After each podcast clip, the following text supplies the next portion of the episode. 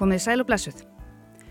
Fugglaskoðun hefur verið viðurkent áhuga mál mjög lengi og eins og viðmælandi síðasta þáttar, Daniel Bergman, ljósmyndari og fugglaskoðari, bendi á, þá höfum við líklega flest einhvern smávegis áhuga á fugglum.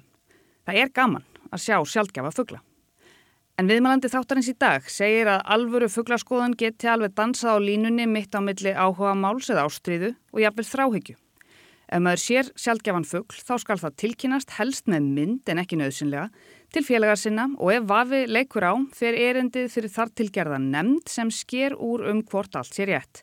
Flækingsfuggla nefnd. Svo er líka til allsherjar gagnagrunnur á netinu þar sem er þetta að skoða þetta allt saman. En ég heiti Sunna Valgerðardóttir og hér er að hefjast síðari þáttur þetta helst um sjálfgæfa fuggla og þau sem þá skoða.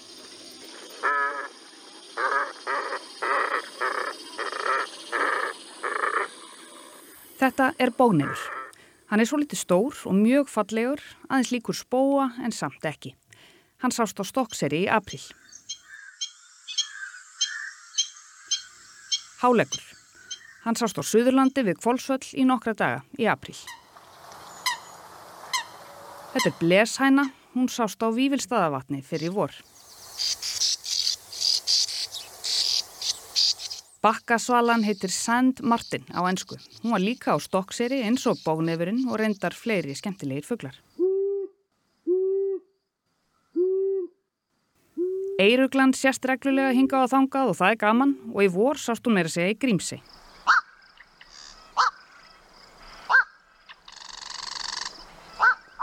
Nátthægrin er glæsilegur fuggl og sást við Jökulsárlón í vor.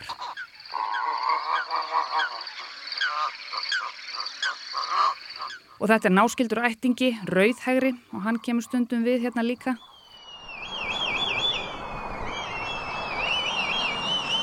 Svölugleðan heitir Red Kite á ennsku, eða rauður flúdrekki og hún sást hér á landi nýverið.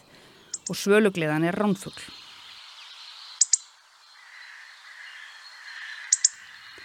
En kjarnbíturinn, hann er ekki ránfugl og hann var að dúla sér á stöðvarfyrði í vor.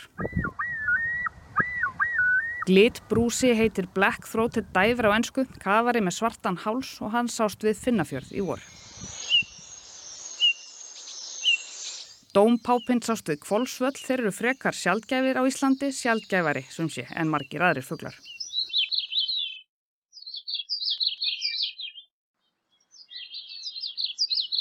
Og þetta er hlýraþröstur, hann var líka á Suðurlandinu. Keldusvín. Það er búið að sjást til að minnstakosti tveggja keldusvína á höfuborgarsvæðinu og þessu ári. Samkvæmt þeim sem til þekkja hafa tvö haldið til við Lampaga í Reykjavík síðan í janúar þar sem þau voru að læðast með fram skurðum við tjörnina. Það er mjög erfitt að sjá keldusvín og þau verðast stundum einfallega hverfa en galdurinn er víst að halda þólinn með henni. Og þetta er næturgalinn. Hann náðist á mynda á Stokkseri í april og hefur aldrei sérst jafn snemma vors hér. Næturgalinn er mjög sjálfséður farfugl á Íslandi, sérstaklega á vorin. Og það er einmitt viðmælandi þessa þáttar, stokkseringurinn og fugglaskoðunar sénið Alex Máni Guðrýðarsson sem smelti af. Ég hef búin að sjá 285. Vá. Síðasta tíðan sem ég bætti við mig var í síðustu viku. Og hvað var það? Það var næturgali. Það var nú bara í gardinum okkar hérna á stokkseri. Í fyrir þætti þetta helst um fugglaskoðarna saði Daniel Bergman að ef einhver vafi leiki á því hvort maður hafi séð fugglin sem er tilkynnið þá fari málið fyrir flækingsfuggla nefnd sem ég vissi reyndar ekki að væri til. En flækingsfuggla nefnd hún var sett á laggirnar 1979 af samstarfshópi áhuga manna og náttúrufræðistofnunar Íslands og er í dag sjálfstæður fulltrúi fugglaskoðara eins og í öðrum löndum í Evrópu. En í flækingsfugla nefndinni sitja sjömanns hverju sinni og eitt þeirra er einmitt Alex Máni sem náði þarna myndinni af næturgalana.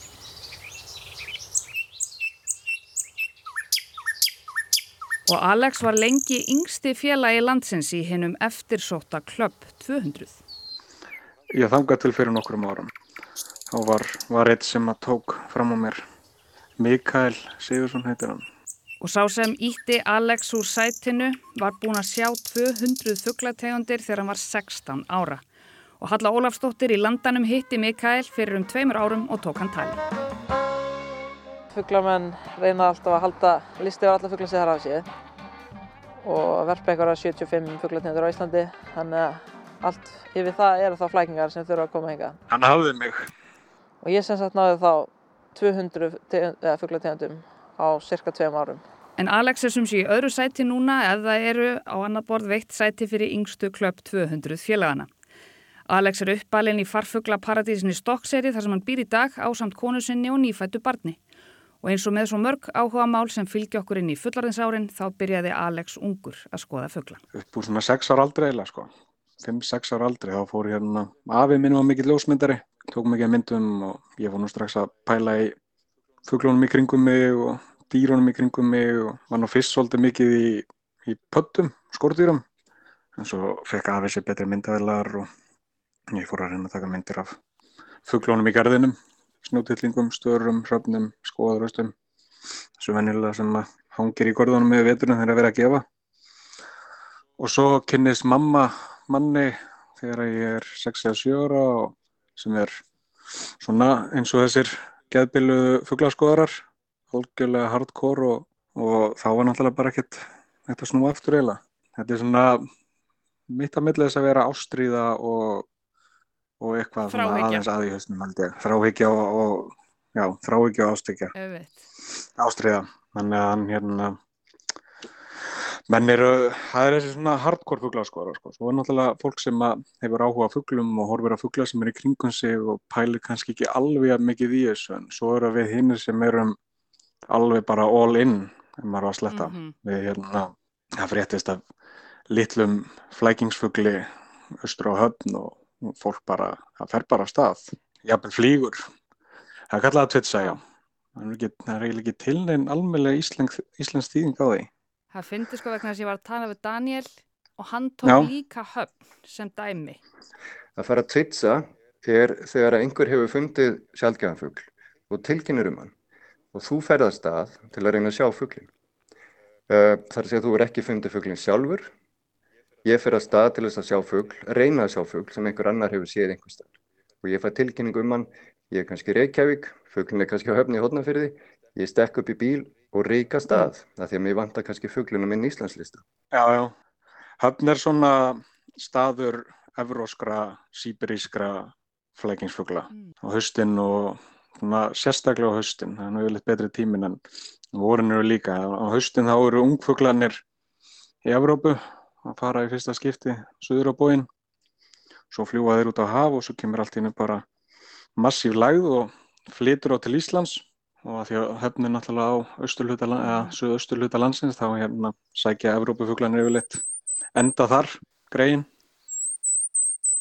uh, höstu 2021 þá fann ég flóaskríkja á Eirabakka það er flóaskríkja sem að hún er hérna Cape May Warbler heitur hún á önsku kemur frá Norður Ameríku. Það var fyrsta skiptið sem hún sást á Íslandi og sjötta skiptið í Evrópu. Náður hún á mynd?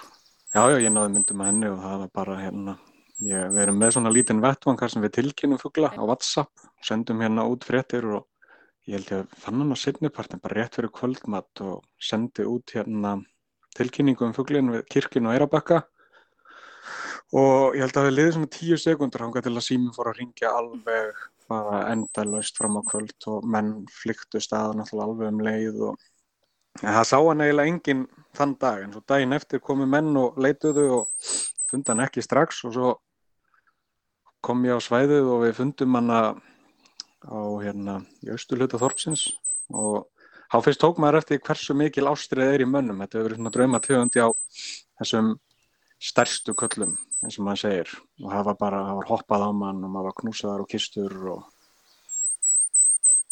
Sko ef við googla flóaskríkja mm.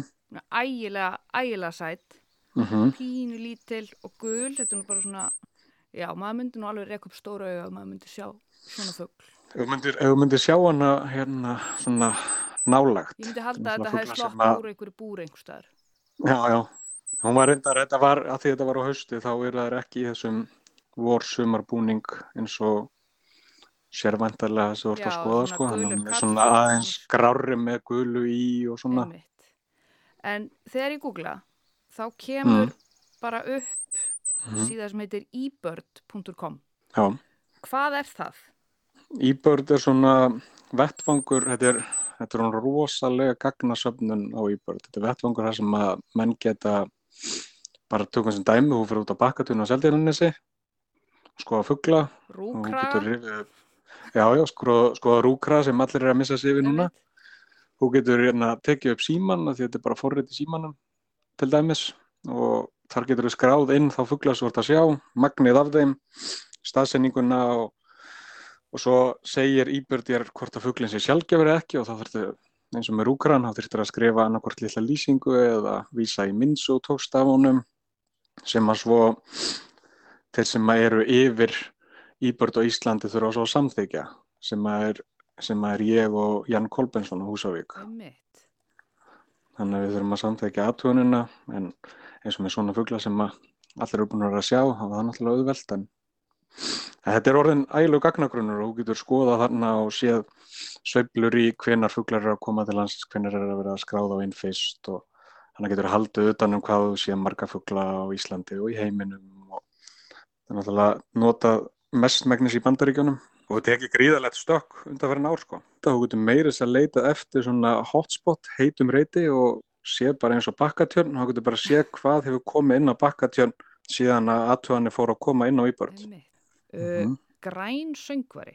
Grænsöngvari, það er einn í Vestmanni núna, það var allan Já, daginn. hann er bara út um allt.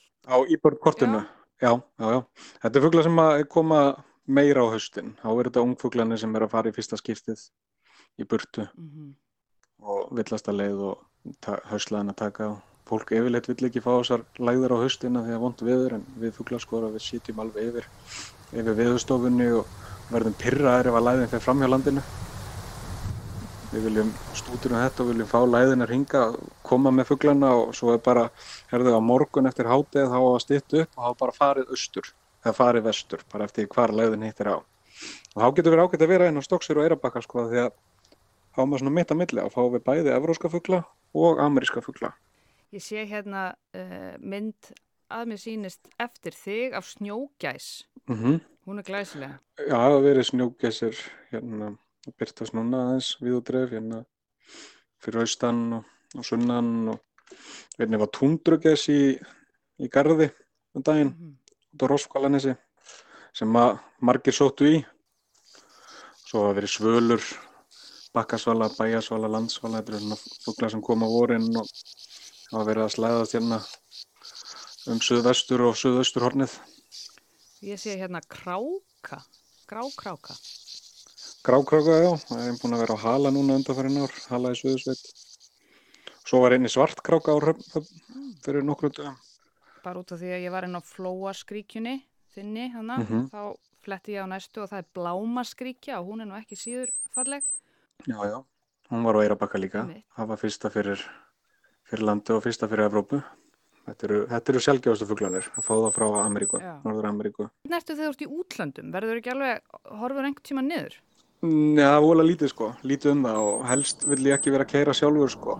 Þannig að maður getur verið að horfa út um gluggan og maður stundum í brasi með að, að hérna heima og náttúrulega vanið þannig að maður getur eiginlega að stoppa hvar sem er út í kanti og þá er bara flautað á manni eða þannig.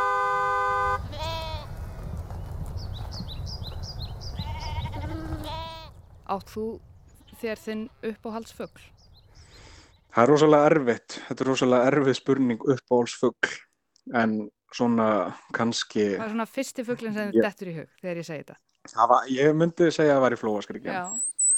Hún leiti á sér að ég kynntist, kynntist stelpunni sem ég er með í dag og, og eigum batt saman og Mm. skemmtileg fugl.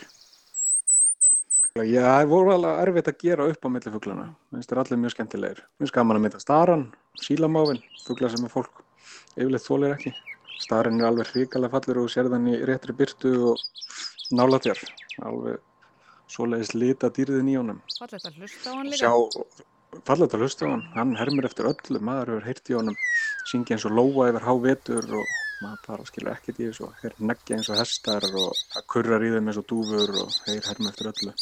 Einu sinni heyrði ég einum syngja eins og löfsöngvara sem flækingur á Íslandi. Ekki hvar hann, hvar hann lærði það. Þannig að þeir, þeir herma eftir öllu.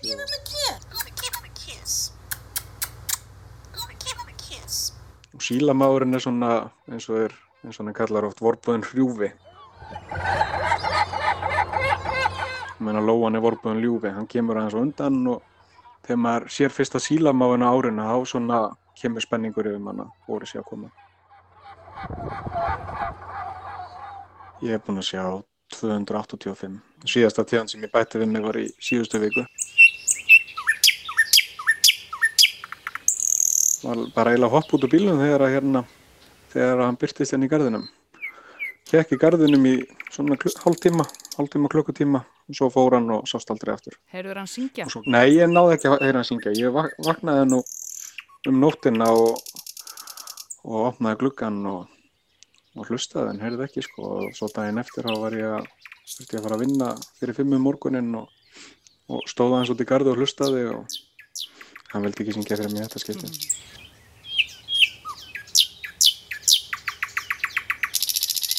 Þar sem næturgalinnas Alex var ekki í söngstuði þegar hann heimsótti hann til Stokksegar þá bætu við bara úr því hér með.